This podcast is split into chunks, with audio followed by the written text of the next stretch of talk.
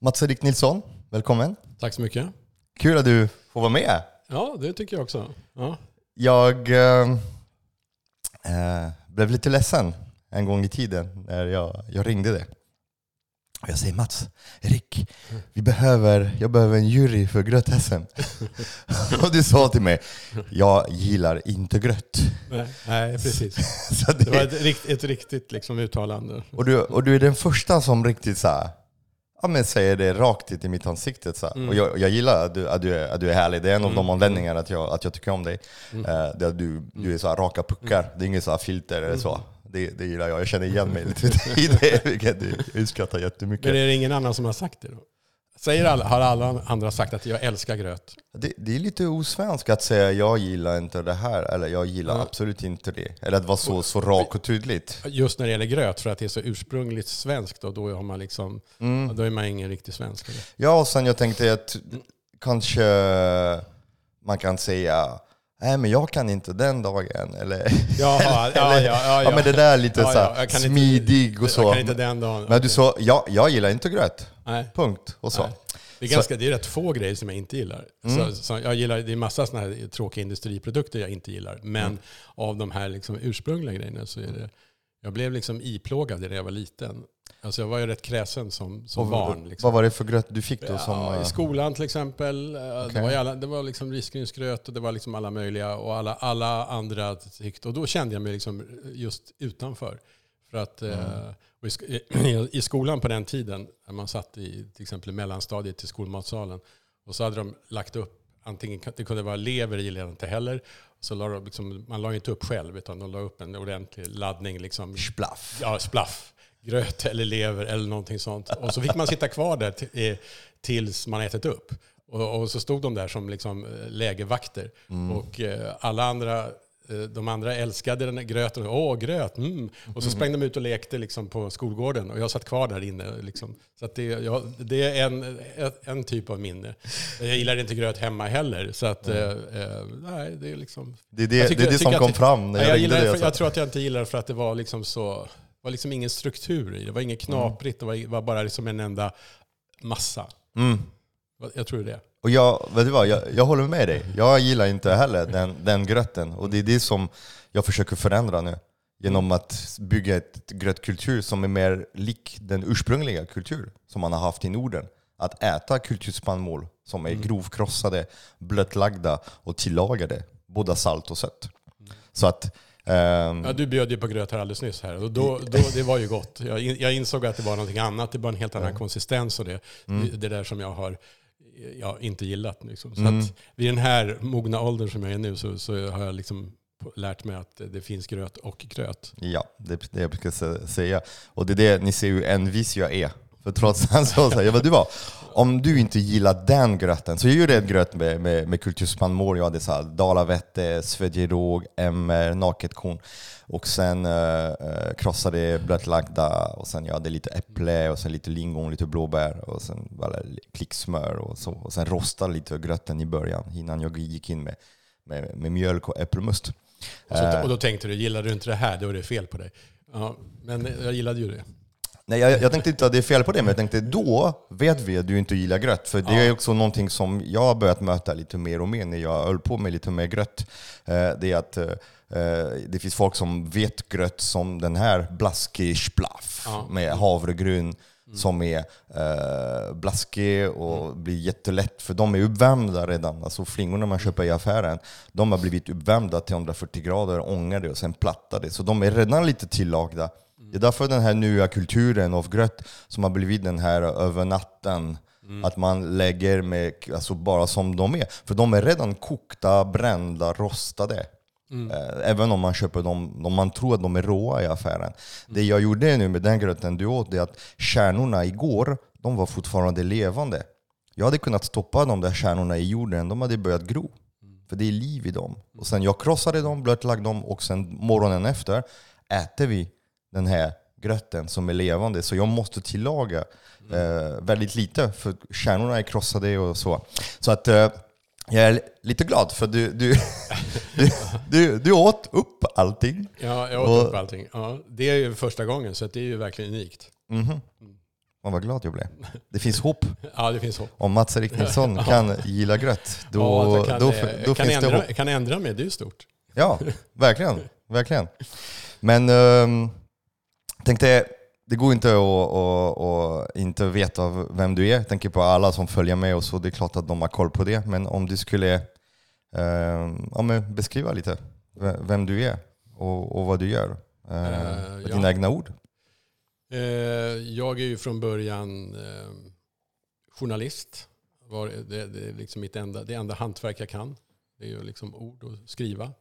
Eh, och det har varit liksom sen jag var ja, strax över 20, eller 20-årsåldern ungefär. Det är mm. ganska länge då. och, men, och jag har alltid varit intresserad av mat, men liksom inte, absolut inte på något professionellt sätt, utan bara ja, typ gillat god mat, allt utom gröt då. och, och några andra grejer. Men eh, jag har, eh, det har varit på, liksom, det har inte varit en stor grej.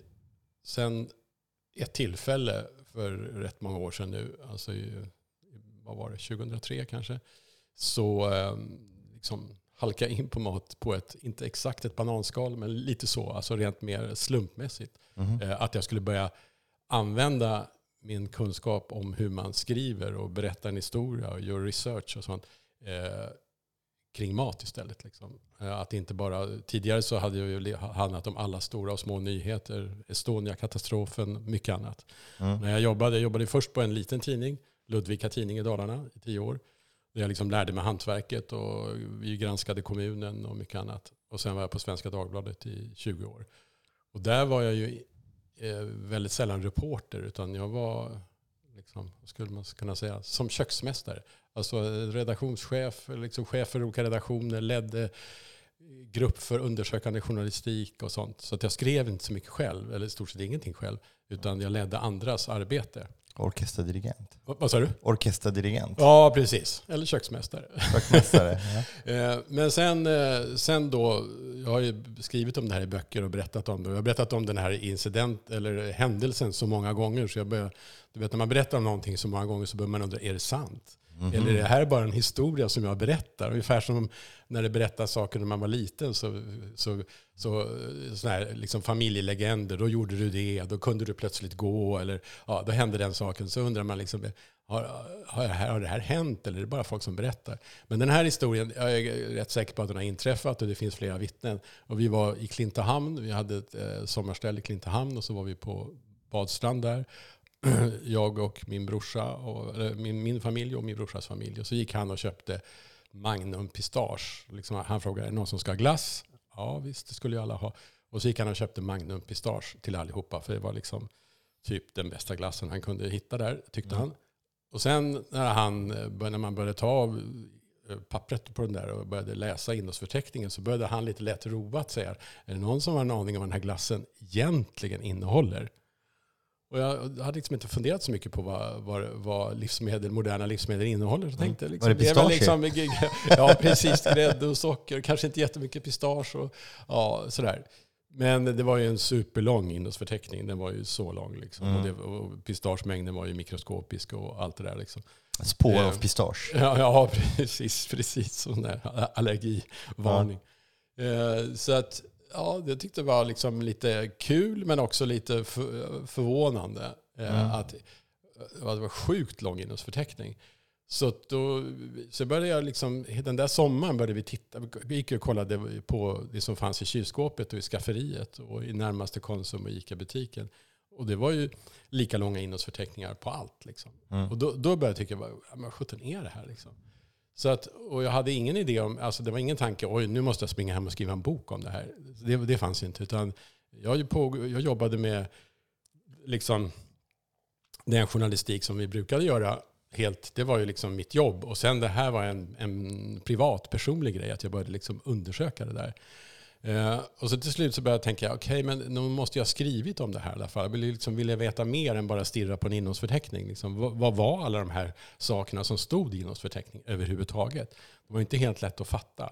Det var liksom långa, man måste vara kemist för att begripa dem. Liksom. Vad var alla de här E-numren? Vad var alla de här långa harangerna? Vad, hur, tillver- hur framställdes det? Och det som framstod som riktiga råvaror, var det liksom riktiga råvaror, eller hur var de behandlade och sådär. Så att hur, hur gör man moderna livsmedel? Mm. Så då, ja, jag insåg ju rätt snabbt liksom att när stort sett allt kommer från USA till Sverige, ofta studsar det via England. Så att det gick att hitta, och eftersom jag är bäst på engelska av, av främmande språk så var ju böcker från de länderna som jag rekvirerade då. Eh, och så började jag läsa en del amerikanska böcker och eh, engelska böcker. Eh, och jag insåg ju att, att eh, hur eh, den här maten var skapad i USA ehm, och, och, det var liksom delvis en fascinerande historia men framförallt en oberättad historia. Och hur, eh, eh alltså att vi liksom tänker att amerikansk mat, vi vet ju inte, vi äter ju liksom, okej okay, vi äter hamburgare, vi dricker Coca-Cola och sådär, det är ju amerikanskt. Men, men att själva liksom processerna var skapade där och det här sättet att, att konsumera mat kom därifrån. Och sen ofta hade det, liksom, som jag sa, gått via England och sådär. Eh, så att då, ja, jag läste in rätt många sådana böcker och började tycka liksom, att det här var ju superintressant. Eh, till exempel eh, Erik Schlosses Fast Food Nation som just handlar om hamburgerindustrin. Och, sådär. och, och så fanns det en bok som handlade om någonting som kallas för Twinkies. Boken heter Twinkies Deconstructed. Och han, Twinkies är mm. en, ja, en eh, bar, tror jag, sån här chokladgrejer Liksom. Eh, och, eh, och han, han, han, den som skrev den boken, han var också typ journalist. Han hade, jag tror han också hade varit på en badstrand. Han hade varit med sina två barn. Och, de, och så hade de haft den där eh, kakgodisgrejen. Och, eh, och så hade någon unge, någon av, något av barnen frågat honom, vad, in, vad är det här egentligen? Vad innehåller den här egentligen? Och då hade han, precis på samma sätt som jag, jag hade gjort, eh, börjat tidigare, börjat undersöka vad sjutton var alla de här ingredienserna. Mm. Så att det var liksom så det började. Och då, och då tänkte jag så här, ja men eh, det här borde man ju liksom skriva om. Jag började kolla att det enda jag kom ihåg, den som hade tagit upp det här med tillsatser, det var Björn Gillberg, som var en miljökämpe eh, på 70-talet. Och han gjorde stor sensation och fick upp den här frågan genom att han tvättade sina skjortor i ett, ett sånt här medel som man skulle ha som eh, grädde i kaffet. Eh, att han, han visade att eh, eh den, de kemikalierna då, som i den här fejkgrädden, mm. att det kunde man tvätta skjortor med. Att det var liksom ett utmärkt, och han stod där och liksom tvättade skjortorna och de blev rena. Och Lite Coca-Cola man kan tvätta sin bil med och, ja, ja, och ta precis. bort fläckar. Ja, ja, men liksom ja. sånt. Eh, och då, och då, blev det, då blev det en ganska stor debatt i Sverige om tillsatser mm. då i början av 70-talet. Eh, och, eh, det, och det höll i sig i flera år. Och då så jag tänkte att jag skulle liksom, då blev det ju nästan 40 år senare, eh, blev lite, liksom, det var enda jag kom ihåg, och framförallt kom jag ihåg att, att det sen ebbade ut. Så jag tänkte att om jag ska ta upp det här så skulle jag ju vilja att det blev mer varaktigt än, än mm. bara under några år. Eh, och så hade jag ju då, om man är journalist som har skrivit och eh, varit med om att göra tidning och dagstidning och sånt där. Men att skriva en bok hade jag ingen aning om egentligen hur man gjorde. Mm. Och då tänkte man måste ju ha ett förlag. Liksom. Så att ja. jag hade liksom den här idén. Eh, och hade, jag vet inte om jag gjorde något utkast, ja, något enkelt utkast till boken. Och att berätta om moderna livsmedel och hur mycket tillsatser de innehåller och hur, och hur lurad du är som konsument. Mm. Och, och mitt perspektiv, eftersom jag inte är jag är ingen bagare, jag är ingen kock, jag är ingen, ingen livsmedelsproducent, jag är ingen mathantverkare. Eh, utan jag är, jag är bara en vanlig konsument egentligen som går till affären och handlar mycket mat. Eh, så att eh, det, det var det som var mitt perspektiv. Liksom hur, hur, hur lite vet du som konsument och hur lurad blir du som konsument av mycket av det som pågår i, i butiken. Ja. Det, är då, det är då den hemliga kocken Ja, precis. Ja, precis. Och den, boken. den boken hette ju Den hemliga kocken, men mm. det, det, hette den bara efter ett tag. Jag, när jag hade själva idén så hade jag inte titeln klar. Men, mm. Så frågade jag några förlag. Frågade ett stort, jag frågade Natur och kultur. Tänkte jag, jag bara kom på dem. Liksom. Så frågade jag dem. Så fick jag svar att um, ja, typ, det ingår inte i vår femårsplan. Det var ett väldigt eh, tråkigt och avtändande svar. Då frågade jag dem, känner inte ni till något mindre förlag då, så åtminstone som som kan ge ut den här typen av böcker och som är lite mer Jag tror är redan ja. liten, ganska liten. Ja, men jag vill, jag vill ha något ännu mindre. Liksom, mm. liksom mer äh, naturkultur, ganska stort om man jämför med det som jag Kanske tänkte. nu, men då var alltså, då, för 20 år sedan. Ja. De kan inte ha varit så stora. Nej, det var, jag, vet inte, jag visste ingenting om mm. förlagsvärlden överhuvudtaget. Jag, jag bara tog ett, ett förlag som jag kände till. Och, så, och då fick jag svar från det här mindre förlaget att ehm, eh, om, ja, kanske, nej, vi tror inte på det här. Eh, möjligen om Livsmedelsverket köper upp halva upplagan. Eh, ja, så väldigt, väldigt, Lycka- väldigt tråkigt lycka svar. Och, precis, och du kommer, få, du kommer få nej, du får nej från mig och du kommer få nej från alla andra också. Så, så svarade han då. Ja, jag lät mig inte nedslås, men jag gick till kulturredaktionen på tidningen och så kollade jag liksom på eh, vår, eller om det var höstbokskatalogen. Det finns en katalog, eller framförallt då över alla böcker som ges ut. Så bläddrade jag i den där och så tittade jag efter, liksom, finns det verkligen inget förlag? Och så kom jag fram till Ordfront som hade gett ut just eh, Snabbmatslandet som Fast Food Nation hette på svenska eh, om hamburgerindustrin. Och då tänkte jag, ja, men de då? Ja, jag skickar ett mejl till dem. Och då fick jag svar inom, eh, jag tror det var inom 17 minuter på mejl. Det är rätt snabbt. Eh, ska vi ses? Mm. För ungefär. ett mejl, ja det är snart. Vad sa du? För, för att vara ett mejl? Ja, för, snabbt. för, ja, för att vara Jag mejl är svarar aldrig 17 minuter till ett mejl. Jag låter den mogna, mogna lite. Nej, det var väldigt snabbt. Och då, då fattade jag liksom att här fanns några som var intresserade. Och, så, och, och sen så blev de, när de sen då ehm, ville trycka boken eh, och eh, de tände på manuset sen som jag skrev och sådär. Och så kom jag på den här titeln, Den hemliga kocken, som jag var ganska nöjd med. Jag har jobbat ganska mycket sen med att komma på en, eh, liksom, en, en bra titel på boken. Att den inte bara skulle heta någonting liksom fejkad mat eller så här, som var mitt arbetsnamn eller någonting sånt där. Mm, Utan mm. något mer, ja, något, något bättre. Eh, och eh, så när de då skulle, när boken var klar så skulle de då sälja, då ska man sälja in den till bokhandeln. Men det var ju, de bokhandeln var ju totalt ointresserade av den där boken. Mm. Eh, så att eh, de visste inte ens på vilken hylla man skulle sätta den. Om man skriver en bok om mat så ska Mm. det ju liksom, den, är det den som ska ligga framme när gästerna kommer och liksom vara lite härligt eh, Ja, men inspirerande. matbok ska inspireras. Ja. Det där är inte en inspirerande bok om att Nej, laga nej, mat nej, direkt. nej, Sjukt osexigt eh, tema liksom. Vad- Alla tillsatser du bär hem ifrån affären. Så att eh, eh, det, det, de köpte, de, då gör ju de beställningar. Då får man ju en första mätare på intresset. Och, och bokhandlarna var superointresserade av boken. Eh, så, och jag tror förlaget, förlaget hade tryckt den, de hade tänkt trycka den i 2500 ex, men så tryckte de den i 5000. Tyckte de att nej, vi, vi satsar lite. Liksom. Och så fick de höra det här och då kände de liksom, åh gud vilken mina vi har gått på. Och, så, och de vågade inte säga, eller de ville inte säga till mig, för det var liksom min första bok, så jag fick aldrig höra hur extremt dåligt det gick eh, att sälja in den. Och sen eh, blev det i samband med bokmässan så skulle den liksom lanseras där och så blev det några artiklar i tidningen. Så plötsligt då så tog det fart medialt. Liksom att, Mm. Så plötsligt bara ville alla göra intervju med mig. Eh, och eh, boken sålde ju superbra. Och de, bok, de här bokhandlarna som, de hade ju inte beställt några böcker. Så att folk kom, de hade sett eh, intervju med mig i radio, tv, överallt. Så, så då kom de till bokhandeln och sa nej vi har inte boken. Så att istället så såldes den på Adlibri så här pallvis. Liksom, för att eh, de hade ju mycket, tillgång till boken på ett annat vis. Liksom. Mhm. Och den boken har ju sen, då, Den hemliga kocken, har ju sålt i över en kvarts miljon. Eh, så att Mm. de som sa nej från början eh, gjorde ju en, eh, ett, ett misstag där. Mm. Som man Varför, varför säger man en kvarts miljon och inte 250 000? Eh, Det låter bättre tror jag. Jag vet inte. 250 250 000 då? Eller det är lite mer än det dessutom. Alltså Men- för, men- för en bok i Sverige, det är sjukt ja, mycket. Ja, det är sjukt mycket. Och så, så att eh, det blev ju... eh, Och varför berätta hela den här historien? För att, jo, för att, för att det är ju en blandning av tur och skicklighet. Mm. Eh, Boken var ju säkert eh, liksom hyfsat skriven och sådär. Eh, Timing. Men, och, men timing, ja jättemycket timing. Alltså tur, Mm. ganska mycket tur. Kan inte, liksom inte säga Mm. exakt det stod, men tiden var mogen. Det var, det var en kvinna som hade skrivit en bok som hette, den var lite, kanske lite tråkigare titel, Köpa mat. Men den handlade om många, alltså hon var konsumentjournalist och ungefär Mm. tio år tidigare hade hon skrivit en bok på lite samma tema. Mm. Eh, Men den blev ju inte alls någon stor. För att eh, tiden var inte, tiden var inte mogen. Mm. Men just den, den var ju uppenbarligen det då, när Ja. boken kom ut.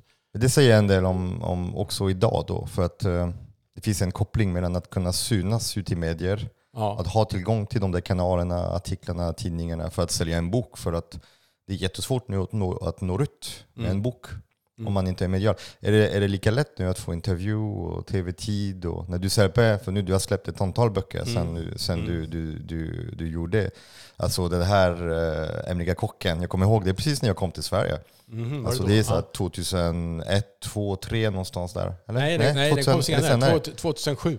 2007, just det. Jag pratade svenska, för jag läste, det, det, jag tror det är en av de första böckerna jag läste på svenska faktiskt. Jaha, var det det? Okej. Därför, ja. ja, ja, okej. Jag ja. kommer ihåg att det var tidigt, men Ja, ja, jag glömde bort perioden jag inte Ja. pratade svenska. så- Ja, men två, den, den Ja. kom, den kom eh, 2007.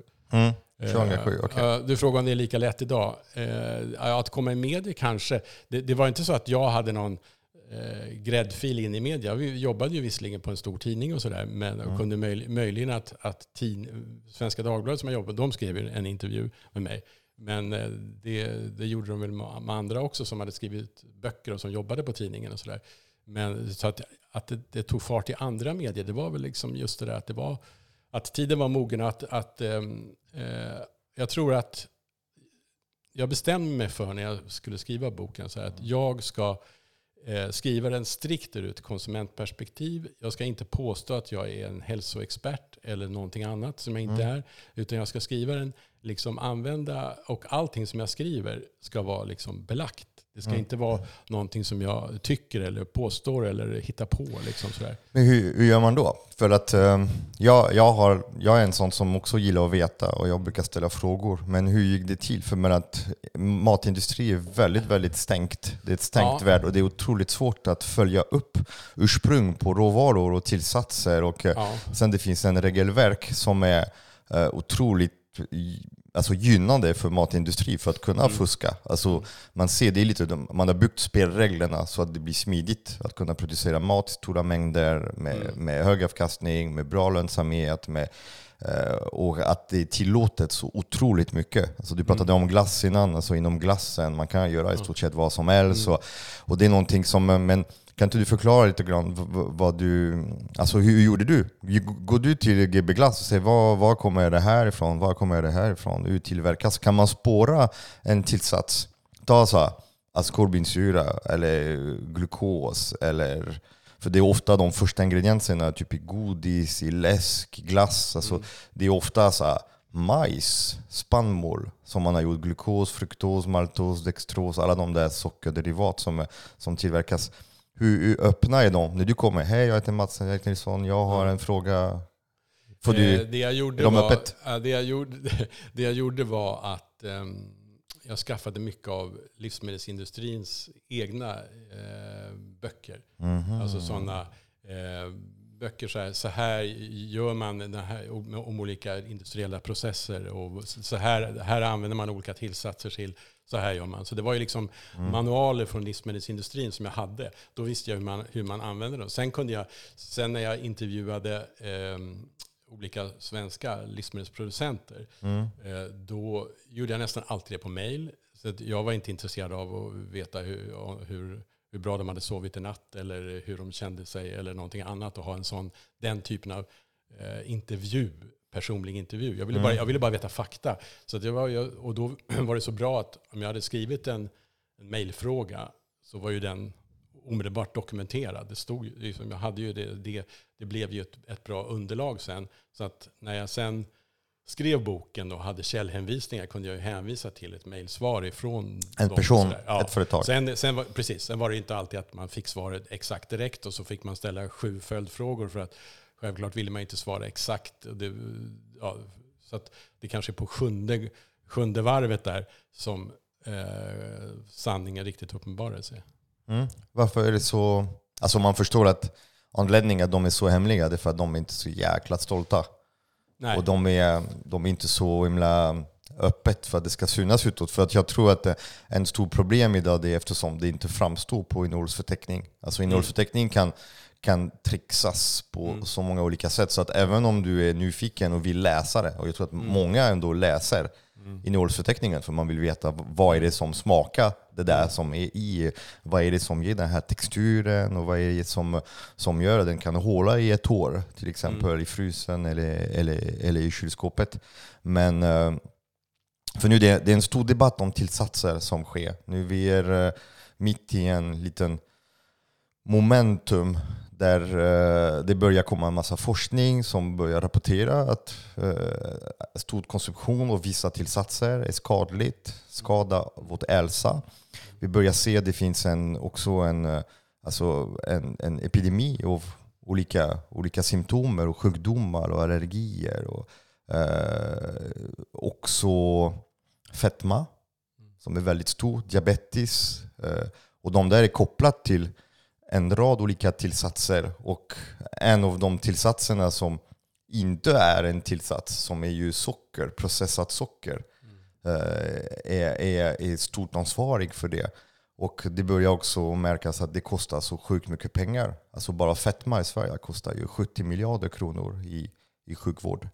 Um, och uh, jag tycker att det, det börjar bli dags att, uh, att stänga lite de där portarna. Och uh, det jag märker är att det finns en sån stolthet i Sverige över industrin. Man, Sverige älskar sin industri man älskar det här rationalisering man har gjort sedan 40-50-talet. Och att börja producera mat i stora mängder. Fortfarande på skolor visar man hur man gör bröd, hur man gör korv på sådana gamla filmer som industrin är självproducerade. Visar man det fort, som, chup, chup, chup, chup, chup, chup, chup, korvarna, chup, chup, chup, chup, chup, chup. Och brödet, plopp, plopp, plopp, plopp. Och om man, om man går på Pågens hemsida, man ser deras linjer och mm. de påstår baka med kärlek, men sen man ser att de har byggt ett brödbakning där inte ens en människa kommer i närheten av brödet. Så att, för det, man vill inte ha spårer och mm. mögel och så, så att det är så skyddad atmosfär, speciellt luft, speciella filter. just, just det där det när du säger med kärlek och sådär. Mm. Jag var, var, och eh, pratade för mathantverkare på Eldrimner, eh, mm. deras nätverk, liksom, för några veckor sedan. Och då tog jag just upp det där liksom, med kärlek. att det är, det är så otroligt utslitet ord så att det är nästan oanvändbart. Alltså det, mm. det är, Kärlek är ingen tillsats. Nej, precis. Men det är världens enklaste ingrediens. Liksom. Världens billigaste ingrediens och lätt att skriva på, på förpackningen. Mm. Vi har gjort det här med kärlek. Och det, ofta blir det ju problem för den som, är, som någon, den som gör någonting på riktigt. Om alla de här orden om liksom äkta, kärlek, ursprungligt, eh, loka, lokalt. Vad är lokalt Andverk. till exempel? Mm. Är det att det kommer från Sverige eller Norden eller mm. det här kvarteret? Eller vad är, ja. Och vilken del av produkten ja, är lokalt ja, tillverkat? Ja, men, men exakt. Och, så så och då, då blir ju det, det, är väldigt knepigt. Så att den som gör någonting på riktigt, eh, som bakar ett riktigt bröd, eh, och så kostar det nästan alltid då ganska mycket mer. Och så, så tittar folk på jämförpriset. Inte så ganska mycket så, mer, lite, lite mer. Ja, Alltså om man kollar ibland, kilopris. Ibland dub, ja, ja, nej, ja. alltså om man kollar kilopris, det är max 20-30% mer. Så det är lite. Ja, ja, ja, okay. Ganska mycket, det är typ... men i alla fall mer. Och när folk tittar på vad mycket pengar mer. man har och sådär, och, mm. Eh, så, och, försöker, och alla, allting blir dyrare. Mm. Så det är klart att, att priset är en faktor. Mm. Och om man då tittar på, på liksom det, just när det gäller bröd så är det så som du säger, men när det finns en del andra produkter så kan de kosta dubbelt så mycket mm. Eh, eller mer eh, som är gjort på, så att säga, som jag tycker på riktigt. Då. Mm.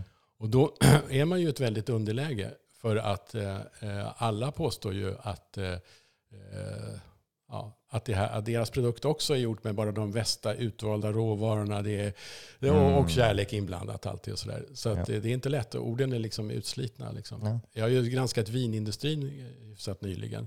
Och där är ju... Samma där, sak där. Har det inte funnits... Nu värre här, får man inte skriva ja, där har innehållsförteckning. Där har man inte haft någon innehållsförteckning. Nu kommer det ett, ett jätteurvattnat system eh, inom mm. EU och Sverige också. Mm. Eh, med en massa eh, galna undantag som jag tycker. Mm. Eh, men fram till nu då, under över 40 års tid när man införde innehållsförteckningar på livsmedel, så, så lyckades ju alkohollobbyn få bort det på alkoholprodukter, inklusive vin. Mm. Och då, om man då gör vin, man bara låter, man gör det på traditionellt sätt, så kallat naturvin och låter det jäsa spontant och inte tillsätter en massa tillsatser. Man får ju använda mm. 68 olika tillsatser och processhjälpmedel i vin. Om man då skippar allt det där, ja, hur ska, man, hur, kan, hur ska man, när man säljer den produkten som då kanske kostar lite mer än, än ett eh, industrivin, hur, hur ska man vad ska man skriva på den? För att på de andra så står det ju bara liksom att åh, det, är, det är liksom gjort på det. Det är liksom bara valt ut de bästa druvorna. Det är odlat fantastiskt här och där. Det är en familj sedan 1443. Ja. Och, och Jean-Pierre ja, Loire, ja, Dalen. exakt.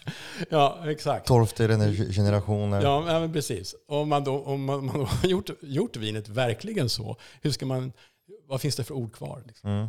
Där, ja, det är Ida uh, Sundqvist i Mm. avsnitt Ja. fem tror jag, och första säsongen. Där eh, hon just, hon hade lite, lite, lite hopp att det här nya regelverket som kommer Mm. ta, börja verka i december i år eh, skulle göra skillnad. Men det man ser där, det är som du säger, det är ett system som har blivit godkänd Mm. bara för att den är så anpassad för industri igen. Ja, så det, jag är tillbaka till min fråga. Hur, varför är industri så fri att kunna producera maten precis som de vill? Och det jag försöker göra nu det är att zooma ut lite grann för att förstå hela strukturen. För att som konsument, man går på Systembolaget, man går på ICA, Coop, alltså man går på Willys, man går på livsmedelsbutiker. Och, och där ser man inte det här världssystemet, det här spindelnätverket där det finns så mycket intresse höger och vänster. Och varför staterna går med på det. Varför Livsmedelsverket inte skruvar hårdare och sätter mer press på dem. Och varför, Har är, du, är du en bra förklaring? Är det bara lobby? Är det bara för att de är bättre på att lobba? De är bättre på att forska? Finns det forskning, underlägg bakom all den här fusket? Och varför, och varför det fortsätter?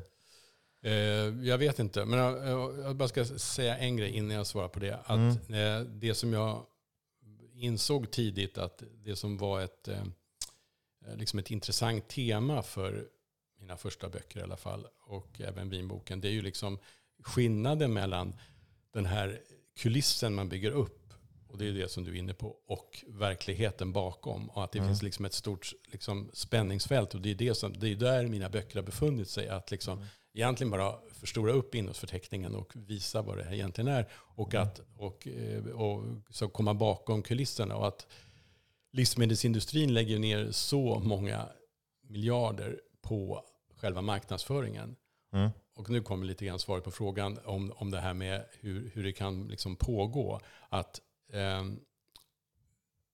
konsumenten vill ju, alltså att när man säger att det är Mamma Scans köttbullar, de heter kanske inte så längre, men liksom de har gjort det. Och, liksom, och det är farmor och mormors recept och, och Emil. den där stilen. Ja. Emil Skinka. Ja, men sådana grejer. Det är ju att det finns, det är ju också att konsumenten vill lite grann gå på det. Alltså att, att det finns ju en, vi är lite medansvariga. Vi, vi skulle ju vilja, det, de spelar ju på en känsla av att, egentligen så är det så här att för, för länge sedan så på, liksom i, ett, i ett bondesamhälle så tillverkade man mycket av det här själv på gården och man kände till hur det gjordes. Och, eller så kände man den som gjorde det. Så man hade, det fanns en, en närhet till det hela. Liksom. Sen när, man då, när vi då liksom lagt över det här på industrin så är det, en, det är ju en förtroendefråga. Att eh, okej, jag har, vi jobbar på ett helt annat... Vi, vi har inte tid och vill inte och orkar inte och kan inte.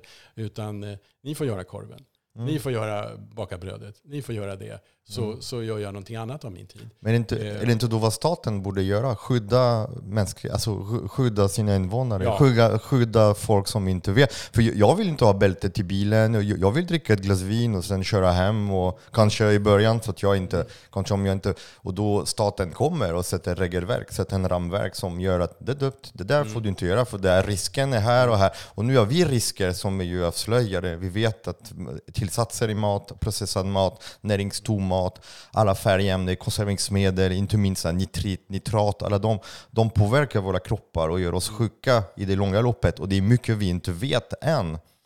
Och samtidigt eh, låter företag som säljer sina produkter komma fram till hyllorna, butikshyllorna och ställa sina produkter utan att bli, att bli bekymrade.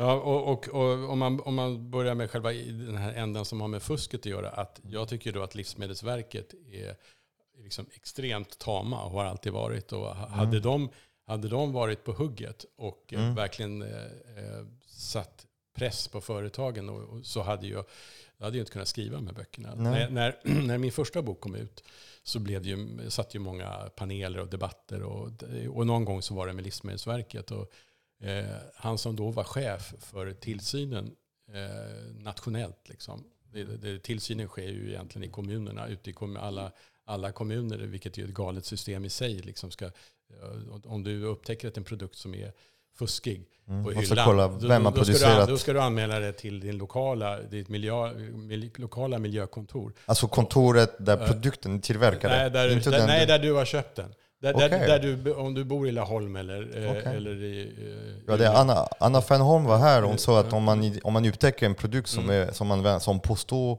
fusk och påstår det här är hälsosamt fast det är inte det och så, att man ska leta på förpackningen, ursprungsstaden där produkten är tillverkad och anmäla i den staden. Ja, det kan man göra också, men, men Okej. det som, de som har tillsynen är, är, det är utlagt lokalt. Men vi, vi, Mhm. vi struntar i det. Utan det, det, det jag pratade med, det fanns ju ändå på Livsmedelsverket de som hade eh, koll på, eh, liksom en övergripande koll och regelverk och sådär. Och den som då var chef för det, han, jag var i en debatt med honom när min första bok kom ut och så sa han, ja, när jag läser din bok här, liksom, det är ju liksom 50-100 olika typer av exempel på eh, ganska tydligt vilseledande av konsumenten. Så här. Eh, det är konstigt att du har upptäckt det och inte vi. Sa han. Mm. Det var ju ganska ärligt. Men vad, vad är det med dem då? Är de, är de dumma? Är de inte utbildade? Är de, eh, är de manipulerade? Vad, vad är... Det- Den analys som jag gjorde då Ja. och, och de närmsta åren, det var ju att eh, de hade inte fokus på det alls. Utan det, det de hade fokus på var det som de kallar livsmedelssäkerhet. Men är det inte eh, det här alla säkerhet? Alla, Ah. hygien, alla hygienfrågor och liknande. Det var Mm. det de tyckte var... Jag skrev ju en bok även om det. Hur, eh, hur, hur jobbigt det var att driva något småskaligt för att man måste följa regelverk som egentligen har kommit upp, uppstått Mm. genom problem som eh, uppstår när man eh, tillverkar mat i extremt stor, stor skala, i- typ i en fabrik. Eh, och då blev det liksom väldigt krångligt att eh, typ vara mathantverkare eller Mm. bag, bagare eller något annat. Det, det har vi kommit på här eh, bakom micken med alla gästerna. Att det, det är svårare att göra rätt än att göra fel. Mm. Det är svårt om man inte använder en massa rad olika tillsatser och, och alltså hjälpmedel och, och inte använder råvaror som innehåller massa pesticider och konstgödsel. Det är mycket svårare för om man vill att sin produkt ska komma fram Mm. Till kunden märkt på det här sättet, då krävs ju en märkning. Det krävs ett kontrollenhet, det krävs en certifikat och det, det är mycket mer krångligare som och dessutom kostar pengar. Så det kostar mer och det är krångligare att göra mat som är rent Mm. på riktigt än att göra någon slags blask Det är bakvänt. som är ju färgat, smaksatt, homogeniserat och trixat. Och sen lägger man pengarna på marknadsföring för att skapa ett bra förpackning. För när man har en dålig produkt, då måste man ha en superbra förpackning och marknadsföring. Mm. Nej, men det är ju bakvänt att det ska vara så mycket svårare. Det är sjukt. Det, det, det har jag ju fått många, när jag har, alltså det, det som var intressant för mig själv personligen var ju Mm. att jag var ju journalist på en tidning, på en stor redaktion och Mm.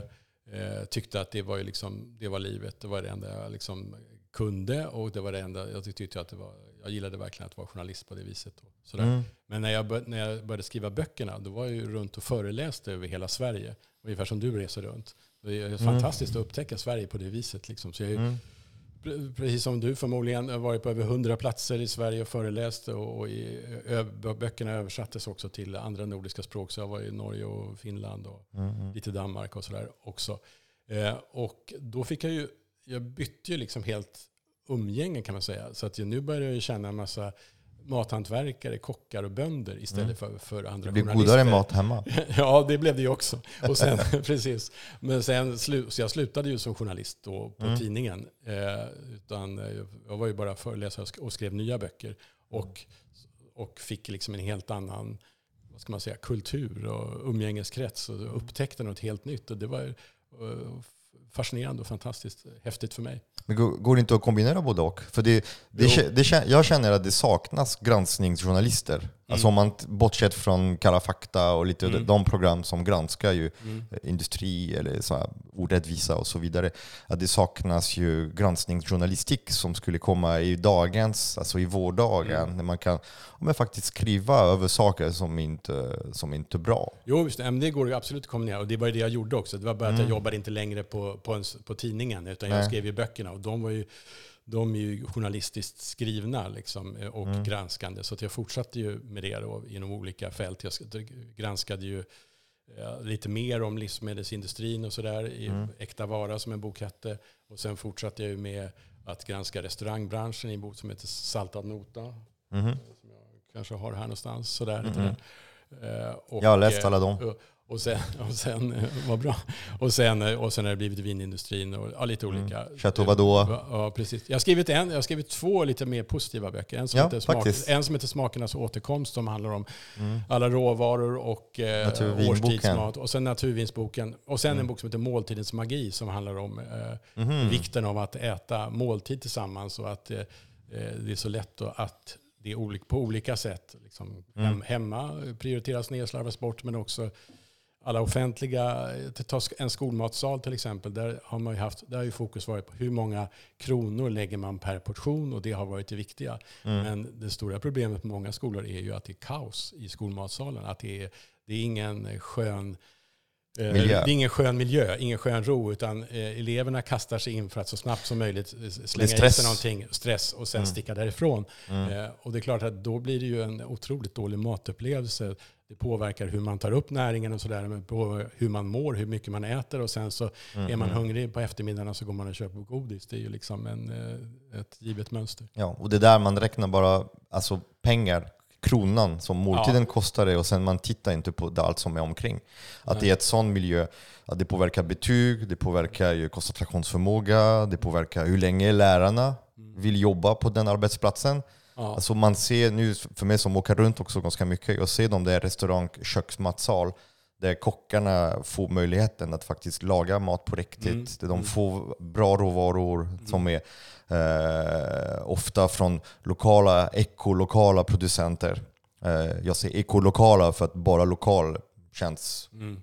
Bara inte så mycket uppgradering. Eh, att man har besprutat sin purjolök eller sin potatis lokalt, det blir inte ett bättre potatis. Alltså närbesprutat är inte bättre. Så det är därför jag säger ekolokal, för mig är det ett viktigt begrepp. Närbesprutat. Närkonstgödslat. eh, när, eh, och det där, om det är lokalt, det är bra om det är ekologiskt också. För det, det är din mark, det är ditt landskap, det är din grundvatten. Och, och, och det är inte om man tänker utifrån sig själv. Men att i de miljöerna där kockarna faktiskt lagar mat, man ser att det är mycket mindre sjukfrånvaro. Man ser att det är högre betyg, det är bättre kon- koncentrationsförmåga, det är bättre matmiljö också. Och det är någonting som vi utsätter barn väldigt mycket. Jag, jag, vill, jag vill spela ett avsnitt om, om skolmat, offentlig måltid, Ja. eh, som kommer så småningom. Så att eh, det blir mer om det. Mm. Kan vi eh, gå tillbaka till, eh, till vinet? Eh, för att eh, nu det var det här, det är tydligt att det finns en lobby, det Mm. finns organisationer som är väldigt Mm. starka, som har väldigt mycket pengar och som kan styra hur eh, maten eh, skyltas och beskrivs och vilka termer som kan användas. Och, alltså det är någon som har bestämt någonstans att man kan skriva C-vitamin när man stoppar ascorbinsyra i apelsinjuice. Mm. Och man kan inte skriva C-vitamin när man stoppar ascorbinsyra i mjöl, Mm. till exempel. Mm. Det, är, det, är, det är inte konsekvent. Nej, för att C-vitamin, det är klart om man ser ett apelsinjuiceflaska och det står C-vitamin som tillsats. Mm. Det är inte så konstigt. Tänker vadå? Mm. Det är, det är som när man köper ett mjölpaket och det står gluten. Mm. Eller man köper ett bröd, det står gluten. Mm. Och där är det ett stort skillnad Mm. på gluten som tillsätter atomiserat i, ett, i en bröd. Mm. För att kunna pumpa in mer luft, som hur det påverkar kroppen. Kontra gluten som naturligt bildas i mjöl, som man blöter och fermenterar. Det blir stor skillnad. Och där ser jag också att, eh, att de har fått fri hand att använda begreppet som vinsyra, Mm. citronsura. Mm. När vi vet att det är inte, det är inte citron, eh, citronsyra. Det är, det är en ganska vanlig tillsats i vin, eller hur? Hur? Hur gör man citronsyra? Har du koll på det? Hur tillverkar Ja. man det och vad? Citronsyra, det, det gör man ju, men eh, jag kan inte redogöra exakt för den processen. Jag har glö- glömt bort, det var ett tag sedan jag skrev om det där. Men det, det är ju en, som när man gör mycket, det är även när man gör mycket av de här vitaminerna. Som Om Mm. det står att det är tillsatt någon form av vitamin. Det kan ju vara, Mm. det är ju liksom eh, eh, ganska avancerade eh, industriella processer.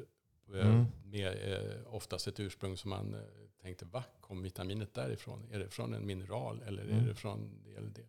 Så att det, det är ju eh, det är något an, helt annat än det man tror när man tittar Ja. på förpackning. Och det är något helt annat än, det är ju liksom, det är, någon, det är, det är ju en sak när man har en, en riktig, alltså det är mitt, min huvudsakliga kritik mot tillsatserna, förutom då som det vi har pratat om länge nu, där hur man att man blir lurad av en produkt. Man tror mm. att man köper någonting och så, och så är, använd, används eh, de här tillsatserna då för att liksom sminka upp den produkten och så, så eh, kan den se ut liksom lite grann eh, som, eh, som den avbildas på förpackningen och i reklamen. Att, att tillsatserna är en slags kosmetika på det viset.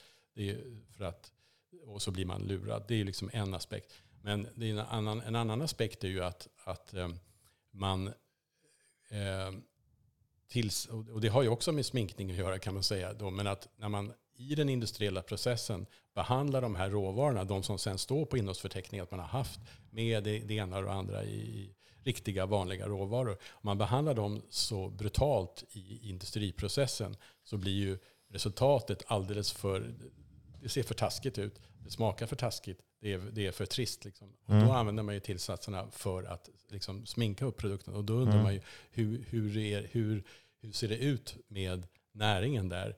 Eh, och hur, ser, hur, hur liknar hur långt är, befinner sig egentligen den produkten från när man tillagar, när man gör den här i, på, liksom på ett eh, eh mer varsamt sätt. Då.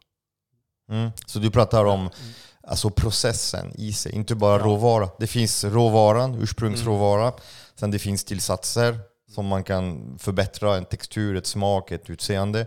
Och sen det finns ju processer, det hur man piskar Ja, idag pratar man ju om ultraprocessade. Och Ultra, det är ju de ja. produkter som är extremt mycket processade. Mm. Och, då, och det är sådana som då väldigt lite liknar eh, så att säga originalet och där, mm. där det är extremt långt ifrån råvarans ursprungliga mm. eh, egenskaper kan man säga. För det, det jag kan märka, till exempel om, man har, om vi ska prata bröd nu, för det är ändå mitt expertområde, det är att om man tar en, ett bra mjöl som innehåller mycket näring, som ett mörk härlig färg mm. och som smakar fantastiskt. Om jag skulle ta den i en däckblandare och piska den i 15 minuter och skapa en oxidation, då kommer jag tappa färg.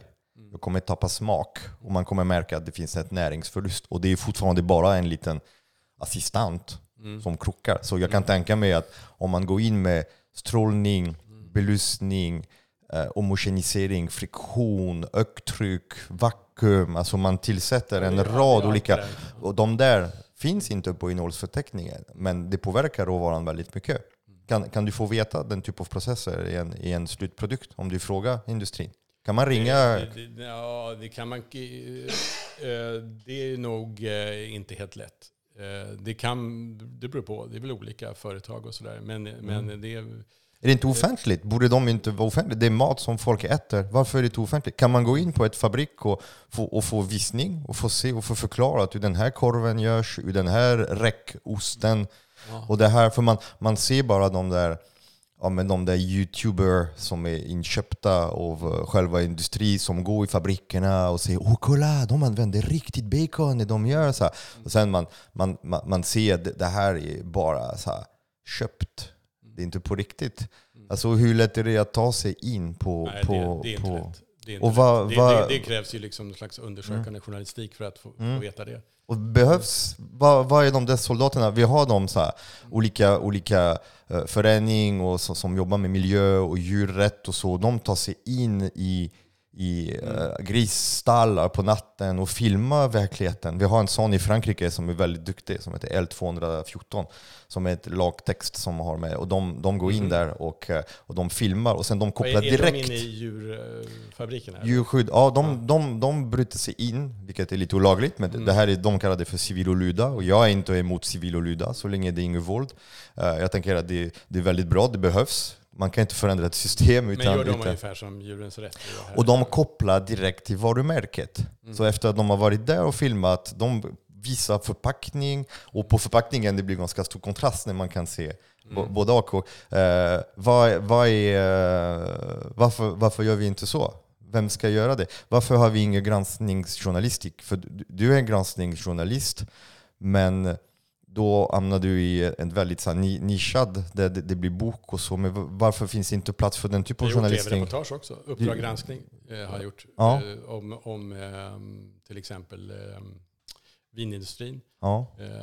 Jag kommer ihåg, jag såg den också. Ja, när, när, när de sitter mm, ah, vad har du i ditt vin? Mm, ah, ah. Och, och, då fick jag, precis, och då fick jag svar från några, apropå det du frågade hur man får veta om processer och vad det innehåller och sådär. Mm. Och då var det ju eh, några eh, importörer som jag frågade. Och Mm. jag ringde ju inte till eh, eh, vinproducenterna i Frankrike eller Italien eller Spanien utan det var ju importörerna då, här i Mm. Sverige som, sålde, som tjänar jättemycket pengar på att sälja till Systembolaget. Och de svarade, ja, men det, då var det flera som svarade, nej det, vi kan inte tala om vad den här, det här vinet innehåller, för det är en affärshemlighet. Eh, apropå din Mhm. fråga där. Att Hemligt de- de- de recept. såg, ja, hem, hemligt recept. och och det, det hemliga receptet, alltså, I vin, vi- vi- ja. att göra vin, i, det hemliga receptet är ju uppfanns för 8000 år sedan i det man tror nu var i Georgien. Det, är Mm. väl det, liksom det, ja, Ja. det går längre och längre tillbaka. Men Vindruva Ja, och vindruva, tid och kunskap. Ja, vindruva som juicen som får, liksom, eh, får fermentera och Mm. jäsa och så blir det vin. Och sen eh, finns det ju en massa hantverksskicklighet kring det där, men det är ju egentligen grundreceptet. Så att, eh, Mm, mm. Mer komplicerat än så är det inte. Mm. Ehm, och jag, jag tänkte på när du sa att det fanns en, en fransk undersökande grupp som, som var inne i djurfabriker. Det var en, en fransk eller om det var möjligen en belgisk undersökande journalist.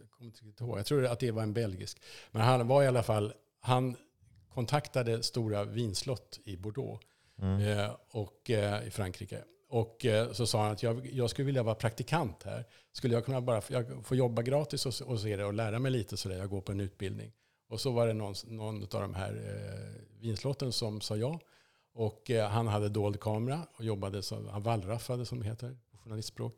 Och eh, filmade liksom saker, vad som hände.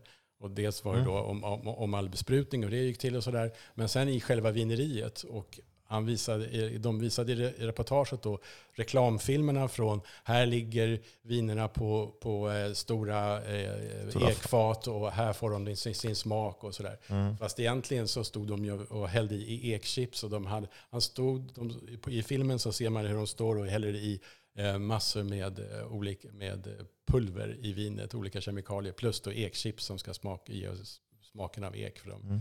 Eh, det är liksom effektivare och, eh, Billigare. eh, billig, och billigare. Det är Väldigt mycket billigare väldigt framförallt. mycket, Ja, väldigt mycket billigare. Så Mm. att den, den, den var väldigt rolig. Och, och, ehm, Ja, roligt är det, jag vet inte. jag, jag tycker, ja, det Men där är min är det- humor. är, det, är det tillåtet att göra så? Eh, ja, det är tillåtet. Eh, Kan du i det- Sverige det- gå in i en fabrik och filma hur Jaha, de gör? att göra så. Att, göra så. Ja, jo, att filma dold Med kamera? dold kamera. Ja, jo, det har ju till exempel Uppdrag granskning har ju gjort det jättemycket. Eh, Mm. Rent etiskt bland, det är liksom en etisk fråga bland journalister. Och då har ju i alla fall själva tanken har ju där varit att om, om man inte kan få fram den här informationen på något annat sätt, Mm. eh, då är det liksom den ska man säga, sista eh, åtgärden att filma någon i smyg. Och det har ju gjorts många gånger. Och då har det, ibland har ju det kommit fram väldigt stora avslöjanden som inte bara handlat om matindustrin och mycket annat. Liksom. Mhm. Och det är tillåtet att Ja, göra det? ja, det, det kan man ja. göra som, som journalist? ja, så, okej. För jag hade läst att man fick inte typ spela in till exempel ett samtal om, mellan två personer. Att om man är med då, då Jo, går det bra. Man, man, ja, just det. måste Det- vara med, eller hur? Man ja, måste vara med ja, fysiskt. Det andra kallas ju buggning och det är det som eh, har Buggning. varit disku, dis, mycket diskussion om polisen. Om, om jag Mm. fäster en eh, mikrofon här och få och jag är ute information. Och sen så, så, så, så lyssnar jag på vad du och din tjej säger. Det Mm. är inte tillåtet. Men Mm. att spela in ett samtal där jag själv Mm. ringer upp Mm. och dig och spelar in det. Du skulle lära dig Det massa saker. Ja, om du fick en sån Ja, diskussion. ja, ja, så det är skillnaden. Ja. Men den visste du redan. Mm. Men, men är, om du själv deltar i samtal får man det. Okej, Mm. vad bra. För det, det, är det, är det jag försöker komma åt nu. Det är hur vi kan, eh, hur vi kan ändra på systemet. Det känns inte som att systemet vill ändras av sig själv. Mm. Det känns som att industrin, matindustrin, dryckindustri, de är, de är väldigt, ja men de väntar tills det kommer piskan, att det kommer någon, ja men sån där avslöjande. Alltså det, det är väldigt lite som får allting att röra på sig. Alltså tänk på inom vin i många år man har, man, har- man har frågat efter, man har, man har skrikit efter ett innehållsförteckning. Man vill veta vad finns i den här chateau, bla bla bla, Mm. som man tror är tillverkat Mm. i Chile, eller Nya Zeeland eller Sydafrika, men i själva verket är tillverkat i Simrishamn. Mm, mm. Alltså att det är bara stabiliserad druvjuice som kommer i en stor tank och sen som tankas ut här i Simrishamn och blir till vin här på svensk mark. Och fortsätter behålla sitt, eller om man skulle tänka sig ja, men så ett bröd som påstår vara surdeg och fullkorn och eh, andverk och stenugnsbakat när man egentligen bara kränkt de där begreppen och använt ett mjöl som är eh, alltså fraktionerat så att man har stoppat lite kli i vitt mjöl, man har färgat med brännsocker, tillsatt gluten, använt jäst, stoppat lite rutet mjöl som skulle kallas för surdeg då och sen kan sälja en produkt som påstår vara surdegsbröd när vi vet att det finns hälsofördelar av att äta surdegsbröd på grund av att det, är, det går långsamt att fermentera ett bröd på surdeg. Och det är det som skapar andra processer som gör att ett bröd som den du har framför dig eh, är eh, nyttigare och hälsosammare och gör det mätare och är bättre för din kropp och, och godare. Och att industri kommer kunna använda de där begreppen. Det är därför jag reagerade förut när du sa att det är mycket dyrare. och så. Det här brödet kostar, kostar 75 kronor. Det är ett kilo och det är MR. Det är ett kulturspannmål som är stenmalet. Den är fermenterat i ett dygn. Det är en person som är utbildad, som är skicklig, som har tagit massa olika moment i mm. den processen. Och det är mycket som kan gå fel under den här processen. Och eh, 75 kronor för ett kilo bröd. Vad kostar ett kilo bröd, ett vanligt sån industribröd? 50-60 kronor. Mm. Kilo. För det är det ofta man blir lurad för att mm. ett bröd kostar 29,90 men det är 400 gram. Mm. Och, och men jag vet att man, det är vikten man ska gå efter och det är, det är likadant. Luft kan man andas, ja, alltså man behöver inte köpa luft. glass som också är uppumpat. Liksom, att ja. Om man går efter lite priset där så blir man mm. lurad. Nej men jag vet, så jag, jag, kanske tog i att det, att det är, vad, vad sa jag, mm. ganska mycket dyrare. Du tyckte det var lite mycket dyrare. Ja, visst, det, det, är viktigt med orden.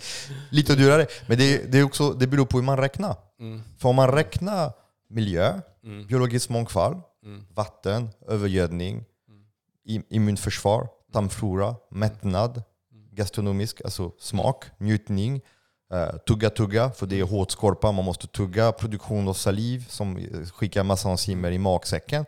Plötsligt det att det kostar 30% mer känns pytteliten egentligen. För det är det. Varför äter vi bröd? Äter vi bröd för att få kolhydrater och proteiner? Eller äter vi bröd för att få kostfiber och mineraler?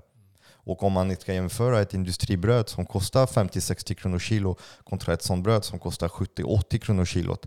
Alltså man får mer än 3, 4, 5 gånger mer av järn och magnesium och man får eh, kanske 40-50 gånger mer kostfiber. Så det är fi alltså fibern som kommer gynna vårt tarmflora och förbättra vårt immunförsvar. Eh, och, och, och gör att man mår bättre. Och det är också bra för blodsocker. Och så, så att, um, Nej, det är en helt annan ekvation då. Det, det, absolut. Det beror på hur man räknar. Det är ja. det. Och skulle det, påstå, skulle det stå på innehållsförteckning, skulle man börja räkna, sluta räkna, att jämföra bröd kontra bröd baserat på kolhydrater, protein, mättat och mättat fett och så vidare. Att man skulle börja räkna i, i näringsvärde kontra vikten. Mm. Uh, och att det skulle också stå vilka insatsmedel som har kommit in, inklusive processtillsatser. För det finns någonting som heter processtillsatser och de hamnar aldrig på innehållsförteckning. Kan vi prata lite om, om det? Mm, ja, kan du beskriva vad, vad en processtillsats ja, och varför de behöver det, inte stå på... Definitionen på, på sådana här processhjälpmedel är ju att de eh, inte, alltså att man använder dem i processen och eh, de är, ska då inte vara kvar i själva produkten till skillnad från en tillsats som finns kvar i produkten när man köper mm. Eller bara vara kvar i mikroskopisk mängd eller liten mängd. Eh, men de är ju eh, viktiga. Men att nu mm. har, om man tar med vin till exempel, så har ju då eh, livsmedel, som jag sa, vinlobbyn och alkohollobbyn eh, sluppit innehållsförteckningar under så här superlång tid. Mm. Och nu då efter en massa eh, debatt i, på EU-nivå och eh, konsumentorganisationer som har krävt så ska det bli innehållsförteckningar även på vin. Men då med sjukt många undantag. Nummer mm. ett, det behöver inte vara på, flaskan. Till skillnad då från när du står i en affär och köper en korv eller vad sjutton som helst, bröd, så finns det ju alltid ett tuggummi. Det finns mm. en innehållsförteckning. Men inte på vin, utan då kan man istället ha en QR-kod. Eh, och då måste du ta upp din telefon och när du då ska jämföra olika, så, och i bästa fall har du en telefon, i bästa fall är den laddad och så, ja, så kan du komma in där. Eh, det är undantag nummer ett. Mm. Och jag förstår varför. Det är för att de tycker att det är Estetisk. De, estetiskt. Det ska ju, om det, man skriver att det här är så fantastiskt 22 ly- lyxigt så, så står det liksom till. Det, och det är liksom den ena grejen. Men sen kommer man in på det här som du sa med processhjälpmedel. Att eh, på vanliga livsmedel behöver man inte heller ange processhjälpmedlen på innehållsförteckningen. Utan man behöver bara skriva dit eh, vilka tillsatser det är.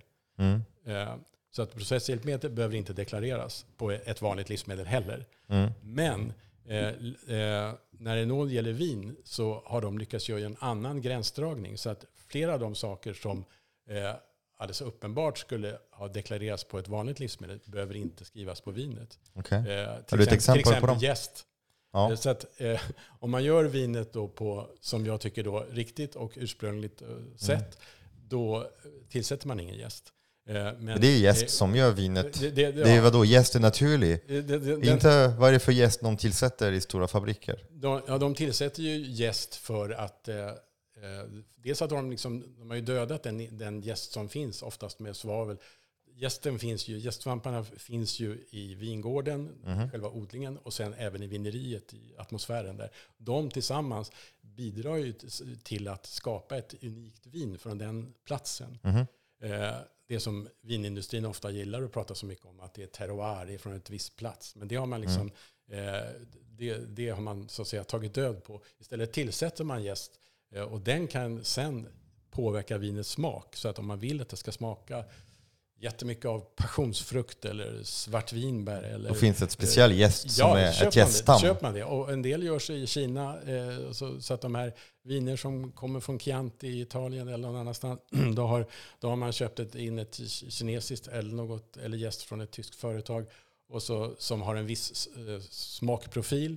Och Mm. sen, kom, sen skriver vinskribenterna och det här smakar si och så. Ja, det var ju eh, rätt mycket, inte alls från den här sköna druvan, utan eh, det var, var gästen som var inblandad. Och då är det ju väldigt speciellt då att när man eh, när det nu kommer den här urvattnade innehållsförteckningen så behöver man inte ange att man, om man har tillsatt jäst eller inte. Mm. Och det är ju liksom en, rätt stor skillnad mellan ett, den här typen av Spontan, naturligt Ja, ja, som finns Och på sen en finns gård. då. det eh, åtskilliga andra. Om de gräns, liksom sånt som annars, skulle kunna som annars finns naturligt i vinet, om man Mm. har tillsatt det, Mm. Eh, för att det finns liksom för lite av det eller någonting sånt, som Okej. syra till exempel. Om Mm. man då tillsätter det behöver man inte heller ange det. För det finns ju också naturligt i vinet. Okej. Eh, eh, Så det, det som skulle räknas som en stor framgång för oss konsumenter mm. är egentligen en, en helt... eh, ja, det är ett litet akut åtgärd de gör för att Ja. det går och det kommer inte påverka den stora marknaden. Och det kommer inte gör, göra, göra det enklare för oss att gå till Systembolaget och, och köpa ren vin som är äkta. Nej, det, det, nej. Men finns, säga- finns äkta vin på Systembolaget? Eh, det är svårt att hitta. Alltså. Det, det, går ju att hitta. Det, kommer Mm. in på tillfälligt sortiment. Det kan finnas några enstaka. Eh, Det som jag kallar liksom mer äkta vin är ju det som brukar kallas naturvin. Och eh, då har, har du ju jäst eh, spontant. Man har inte tillsatt någonting. Man har inte tillsatt någon av de andra tills, tillsatserna som man pratar om. Och Mm. inga alla av de här andra industriella processerna som man använder. Eh, Mm. Man har inte klarnat vinet med något beklarningsmedel. Man har inte man har möjligen filtrerat det ytterst lätt, men inte med såna här mikrofilter och sånt där. Mm. Och så kan man tillsätta, har man inte, kan man tillsätta en gnutta eh, svavel, eh, Mm. dioxid, eh, möjligen, eller inte alls. Det är liksom... Ja, och det finns lite olika. Och det, Ja, det jag förstått då- är att ett visst litet mängd. För Ja, det bildas, det mycket- bildas ja, fria svav, ja. det fria sulfiter Mm, när man fermenterar druvor. Ja. Det bildas naturliga lite. Men ibland det räcker inte till för att kunna ge vinen en bra hållbarhet så att den beter sig fint några år efter. ja, så att en del, en del Mm. de som är riktigt hårda, de, eh, de tillsätter inget svavel alls. Liksom. Mm, Ingenting. mm. Och så finns det de som tillsätter lite och Mm. mycket mindre än vad, man, vad som är tillåtet i vanligt vin. Mm. Så det är det som kallas naturvin. Och egentligen är det ju, tycker jag att det, om man, jag är lite specialintresserad av ord eftersom det är mitt jobb. Mm. Eh, och när man säger då surdegsbröd och eh, naturvin. För en del människor låter det väldigt pretentiöst. Liksom. Vad fan, liksom, Mm. vi, jag gillar bröd och vin. Varför måste det vara surdegsbröd? Mm. Jag gillar måste, banan. Varför måste det vara naturvin? Ja, men det, det, det kallas ju eh, på, i språkvetenskap kallas det retronym, när man måste uppfinna ett ord. Mm. Var, varför, varför är det inget specialord för tillsatsbrödet eller för, för gästbrödet. Besprutat potatis. varför det ursprungliga brödet som gjordes på surdeg, Mm. varför är inte det som är bröd? Och alla andra tillkommande grejer historiskt som man, där man har på Mm. olika sätt mixtrat med brödet, varför har det inte ett särskilt ord? Mm. Utan varför, det brödet som du gör, för heter inte det bara bröd och så får de andra heta någonting annat? Mm. Samma med vin. Varför är det inte det som är vin? Och varför måste man kalla det för naturvin? Speciell vin. Speci- Ja, ja, det är en kaffeproducent här, och det är det att bra kaffe måste du kalla för speciell kaffe. Ja, ja. Att någonting som är bra det- är ja, men speciell, det är någonting samma- som är dålig är Det vanlig. är samma tanke. Det är någonting som jag försökte beskriva i, i min bok, eh, min nya bok som, som en bok om mjöl. Att just den, det här är kulturellt specifikt för, för, för Sverige. Att man har det här begreppet att ett vanlig, ett vanlig potatis är besprutat, konstgödslat, antimögel, antigrodningsmedel. Alltså det är en rad olika produkter som används. Och en potatis som inte innehåller de där, det blir en speciell potatis. En ekologisk potatis, en kravmärkt, en, en Demeter eller hur, hur det blir. Och att det är, ett, det är bäddat för att det blir svårt för att få bra, rena livsmedel att komma fram till, till hushållet. För att de flesta vill ha bara vanliga livsmedel. Ge mig fan en vanlig potatis. Vi vill inte ha någon jävla speciell potatis. Vi vill inte ha speciell vin, speciell kaffe, speciell bröd. Vanlig bröd är så bra. Hur, hur kan man ändra på det? Alltså, för det är det, men jag, jag tycker att språket är så viktigt. Och det är lite där du, du har skrivit i den här copy-paste-boken, och hur vi, hur vi kan influenseras av, av andra. Hur kan man ändra det här begreppet? Kan vi komma till ett, att sluta kalla bra saker för speciella och dåliga livsmedel för vanliga? finns en väg där språkmässigt. Ja, kanske. Jag har liksom inte tänkt på om det skulle gå. Det är ju en, det är, det. En revolution i sig. Eh, Men, det är för att men jag har ju skrivit om just det där med, ja, som det så kallas retronymer, det där att man måste, att det finns ett problem att man måste, varför måste man kalla det naturvin? Varför måste man kalla det sur, surdegsbröd? Som det är nu så måste man ju det. Alltså, om, man, om man vill särskilja brödet och man vill verkligen tala om, eftersom merparten av brödet är ju inte surdegsbröd, då, då måste man använda det där ordet och samma sak med naturvin. Men egentligen så är det bakvänt och det skapar för en del människor som tycker att de som bara dricker naturvin och det äter surdegsbröd. Att det- Snobb. ja, då blir det liksom snobbigt. När egentligen, vad vill man göra? Man vill bara äta vanligt. Jag är kvalitarian. Jag gillar kvalitet. Jag gillar äkta livsmedel som är äkta. Gjort av äkta människor som inte fuskar. Hur svårt ska det vara? Nej, nej, precis. Här är podden till Bryta bröd. Någonstans det ingår någonstans att man ska bryta ett bröd. Eller bryta någonting. Jag har brutit choklad och så. Så jag tänkte, här har vi det här med brödet som är, eh, som är ju ja, bakat på, på MR. Och där ser man alltså vilket inkrom, vilket färg och vilket härligt. Eh, kan tänka mig. Du, du är en av dem som, som har köpt mitt bröd när jag hade bageriet här älskar på ditt Söder. bröd, För du jag- på ja. Söder. Så det var ju... Eh, jag antar att ni saknar lite. Även om det, det Mm. finns ändå lite... Det var ett otroligt svek att du slutade. Ja, Baka jag förstår, bröd där på jag Söder. Eftersom jag bor så nära. Ja, jag förstår det. Men det är så här... Ja.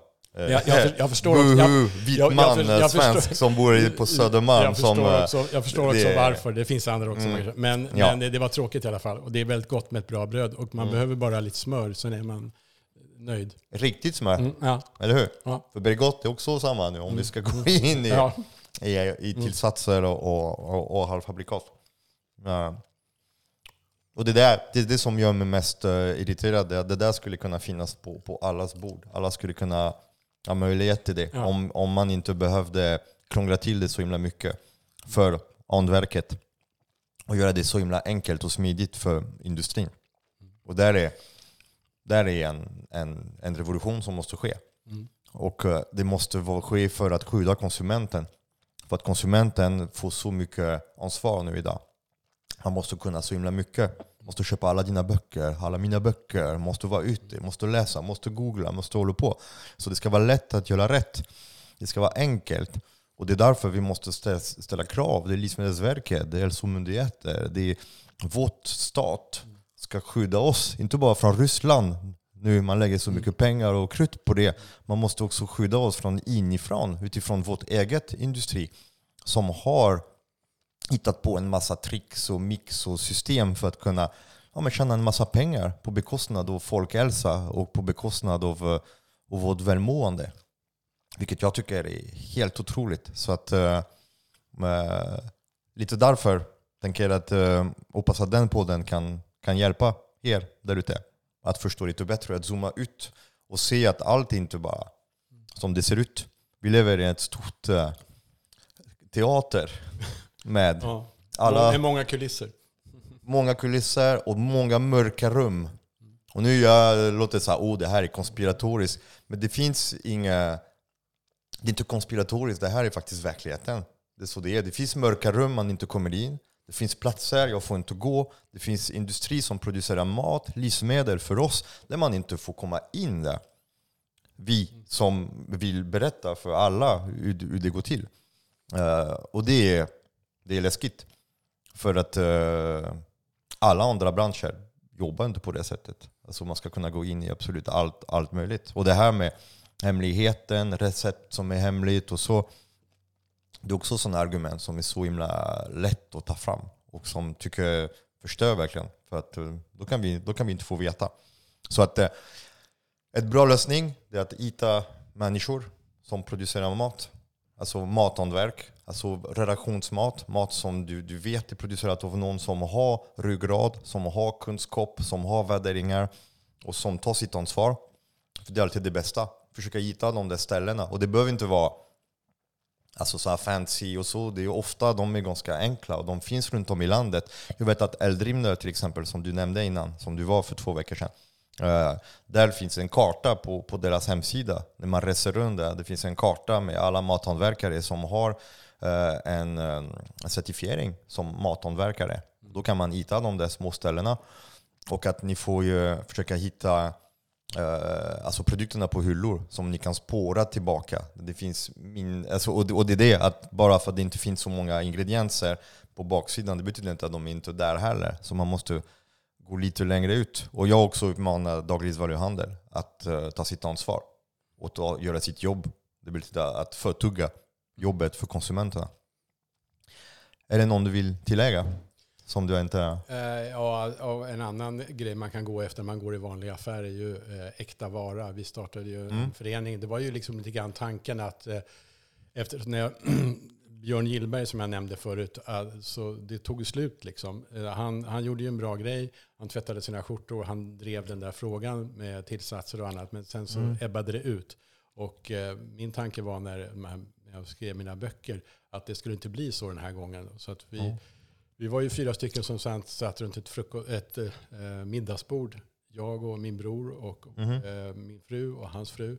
Eh, och, eh, Samma gäng med Magnum alltså. ja, ja, ja, precis. Och så Det, startade, där, det vi, började där. så startade vi den här föreningen. Och sen eh, idag har den omkring 3000 eh, medlemmar. Och är ju den som varje år utger, utser årets matbluff i Mm. tv. Och sådär, ganska, under ganska stor Ja, bomb. jag sitter i jury där ja, också. Ja, ja, precis. Det är antipriset, det är priset man vill inte få. Nej, det är som man inte... Och då finns det ju en märkning också som heter det. Så att det är inte bara negativt, utan även positivt. Då, Mm. att, eh, som man kan titta efter i butiken. eh, Äkta vara. Är märket.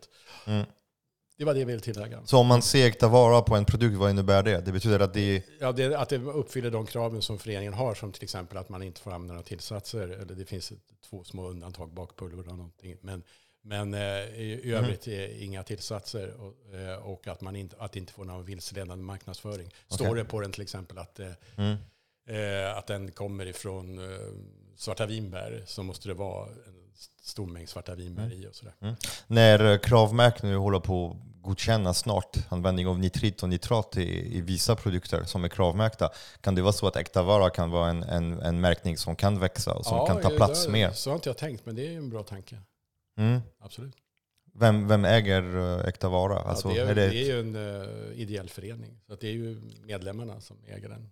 Okej. Det, är- det är inget liksom, kommersiellt över det. Utan det är, det är inte Scan och Arla och... Nej, Krav är, ju, Lantmännen krav som är står. ju stora företag bakom. Men eh, Äkta Vara är ju en, individuell, en, en ideell oberoende konsumentförening. Okej.